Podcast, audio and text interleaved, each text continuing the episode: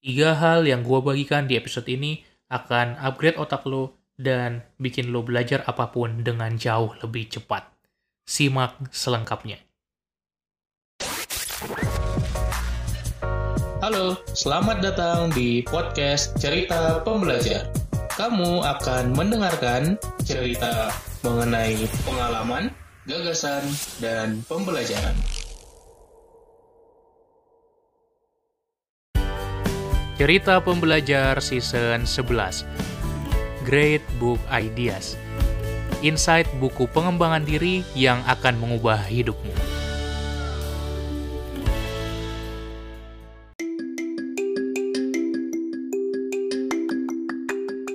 Hai hai hai hai, Sobat Pembelajar kembali lagi di podcast Cerita Pembelajar bareng gua Umar yang akan kasih lo insight-insight terkait pengembangan diri dan produktivitas. Hari ini kita akan bahas tentang menjadi pembelajar, yaitu ketika kita terus belajar hal baru, kita terus upgrade diri kita, kita terus memperkaya diri kita dengan pengetahuan, kompetensi, dan keterampilan-keterampilan baru. Tapi ketika kita belajar, kadang susah nggak sih untuk memahami suatu materi? Kayaknya butuh waktu lama banget sampai benar-benar paham.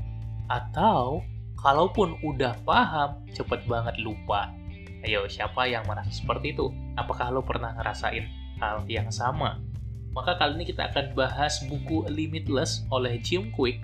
Jim Quick ini adalah seorang apa ya coach otak ya. Jadi dia memang specialized di bagaimana cara kita improve kemampuan otak kita, keterampilan kita dalam belajar, dalam mengingat sesuatu, sehingga kita bisa menjadi pembelajar yang lebih baik ini adalah satu buku yang bisa jadi panduan untuk kamu yang mau belajar lebih efektif, lebih efisien, apa pun yang mau lo pelajari. Oke, okay? so kita langsung aja ada tiga komponen dalam buku ini. Yang pertama adalah mindset. Oke, okay? mindset adalah apa yang kita percaya kita mampu lakukan. Kita harus mulai dari sini dulu. Mindset ketika kita belajar, kita harus yakin bahwasanya setiap orang punya tipe-tipe jeniusnya masing-masing ada orang yang jeniusnya itu dengan kreativitas, dengan ide, ada yang bisa connect dengan orang lain lebih mudah, ada yang bisa menggambarkan sesuatu dengan big picture-nya seperti apa, ada yang bisa detail. Jadi setiap orang berbeda-beda. Maka kita harus percaya bahwa setiap diri kita punya kemampuan jeniusnya masing-masing. Dan kita juga harus bisa menangkal limiting beliefs atau kepercayaan-kepercayaan sorry, kepercayaan-kepercayaan yang membatasi diri kita. Apa contohnya limiting belief? Aku gak nyaman kalau ada orang lain. Aku kesulitan belajar hal baru. Aku kesulitan untuk menghafal. Otakku bukan otak hafalan. Aku kayaknya gak mudah kalau hitung-hitungan. Itu semua sebetulnya bukan diri kita, tapi pikiran kita lah yang mempenjarai diri kita. Oke, yang jadi kerangkeng untuk diri kita adalah pikiran kita sendiri. Jadi bagaimana cara kita untuk ngasih pikiran-pikiran tadi dan percaya bahwa kita bisa, bahwa kita mampu. Mulai dari mindset dulu. Oke. Nah, ketika nanti kita udah punya mindset yang kokoh, kita bisa benar-benar lanjut ke tahapan yang kedua. Yang kedua adalah motivasi. Oke. Motivasi itu adalah apa alasan kita untuk melakukan sesuatu. Motivation itu adalah motif untuk action. Banyak orang bilang gitu kan. Jadi, alasan kita melakukan sesuatu itu didasari oleh motivasi kita. Nah, ketika kamu belajar hal baru, kalau nggak ada motivasinya, udah jelas susah belajarnya. Oke? Kalau nggak ada motivasi sama sekali, udah jelas susah belajarnya. Itulah kenapa banyak orang kesulitan belajar di sekolah atau di kampus yang cuma pengen ya udah yang penting gue lulus atau nilai bagus tuh. Jadi nggak ada alasan untuk belajar sesuatu. Pernah nggak lo ngerasain pingin belajar sesuatu yang benar-benar lo excited dan lo akan cepet banget nangkepnya, akan dengan enjoynya belajar terus-menerus, itu yang kita mau cari sebagai contoh ketika dulu gue SMA gue belajar tentang membuat game RPG ya. Jadi de development ya. Game development khususnya di bidang RPG game. Dan gue benar-benar ngulik itu tiap hari belajar belajar belajar belajar dan gak ngerasa kayak belajar karena gue pingin bikin game pada waktu itu. Sempat juga gue pingin belajar bikin komik dan seterusnya. Sempat juga gue pingin belajar tentang self development ya sekarang ini gitu. Dan tertarik untuk belajar terus sekarang ini gue lagi mengembangkan platform akademi gue belajar learning management systemnya gue belajar gimana cara bikin learning management system yang bagus bagaimana cara gue bikin konten manajemennya bagus, bagaimana cara gue merancang LX atau learning experience yang oke, okay, dan gue excited banget untuk belajarnya terus-menerus nggak akan bosan. Kenapa? Karena ada motivasi di baliknya. Jadi ketika lo belajar sesuatu, coba lo cari motivasi apa yang lo punya untuk belajar hal tersebut. Kalau misalnya nggak ada, ya wajar aja kita susah untuk mempelajari hal baru. Nah, motivasi nanti akan ada tiga komponen penting. Oke, okay, purpose, ya alasannya tadi udah jelas. Yang kedua adalah energi, dan yang ketiga adalah langkah kecil. Oke, okay. yang pertama adalah purpose. Purpose itu adalah kenapa aku harus lakukan ini? Apa alasanku mau belajar hal tertentu? Ketika kita punya purpose yang jelas, misalnya kita bisa ngebantu orang dengan hal tersebut. Sebagai contoh, ada seseorang yang membaca buku terkait kanker tapi bisa baca bukunya sampai satu bulan tuh 60 buku. Kenapa? dia motivasinya kuat. Soalnya ibunya orang tuanya terkena kanker dan tidak bisa diobati oleh dokter dan akan segera meninggal. Jadi dia belajar terus baca baca baca banyak dan akhirnya bisa membantu ibunya tetap hidup. Ada salah satu cerita yang diberikan Jim Quick juga. Artinya apa? Kalau kita punya alasan yang kuat kita punya purpose ya udah kita akan lakukan tuh belajar apa pun sebanyak apa pun. Dan itu yang membantu kita punya motivasi. Yang pertama tadi purpose yang kedua adalah energi. Energi ini adalah bagaimana cara kita mengelola diri kita tetap energize tetap punya vitalitas dan energi sepanjang hari untuk melakukan apa yang kita lakukan. Ya kita harus perhatikan bagaimana pola makan kita pola tidur kita istirahat kita olahraga kita lingkungan kita sehat atau enggak dan bagaimana lingkungan manusia-manusia di sekitar kita ya orang-orang di sekitar kita suportif atau enggak. Nah, sini energi fisik iya, energi mental iya, emosional iya. Jadi penting untuk kita punya energi yang oke juga. Dan kemudian yang ketiga adalah small simple steps atau langkah kecil. Oke, jadi apa yang kita bisa lakukan? Hal terkecil apa yang bisa kita lakukan untuk kita bisa mencapai goal kita? Terkadang kita kesulitan karena harus baca buku yang banyak.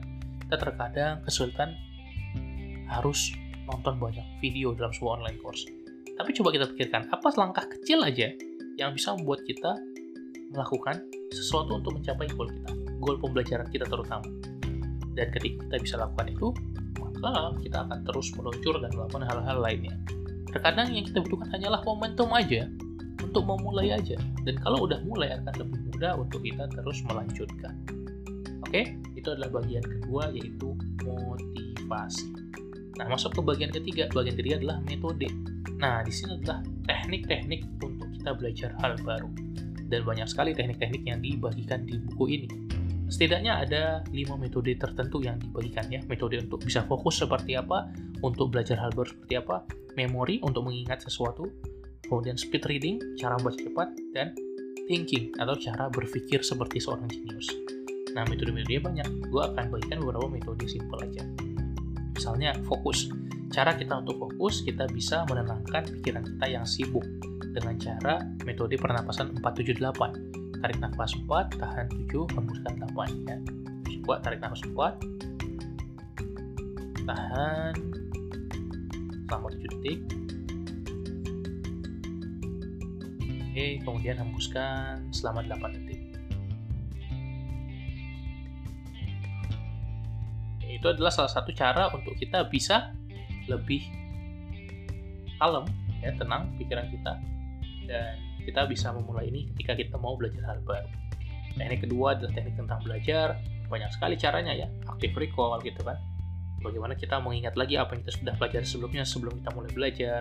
Kemudian melakukan space repetition. Kita beri jarak kita belajar jarak satu hari. Ulangi lagi jarak dua hari. Kita recall lagi jarak tiga hari dan banyak lagi cara-cara lain oke okay? membuat kita berada dalam kondisi yang prima ketika belajar dengan pengondisian lingkungan kita, meja kerja atau meja belajar kita, atau kita dengerin musik tertentu, dan banyak lagi cara-cara lainnya ya. Kemudian yang ketiga adalah memori, banyak sekali juga tekniknya ini.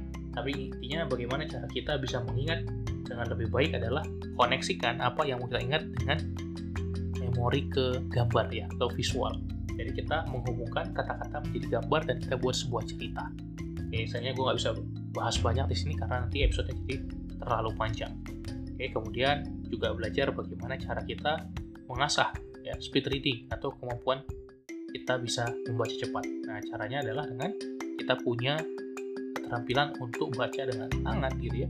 Baca dengan jari, kita sambil tunjuk itu biasanya membantu juga kemudian kita bisa juga punya peripheral vision ya. Jadi peripheral, peripheral vision adalah ketika kita melihat kata kita sekaligus melihat kata-kata di samping kiri dan kanan. Jadi kita expand. Jangan baca per kata tapi per grup kata ya kelompok kata.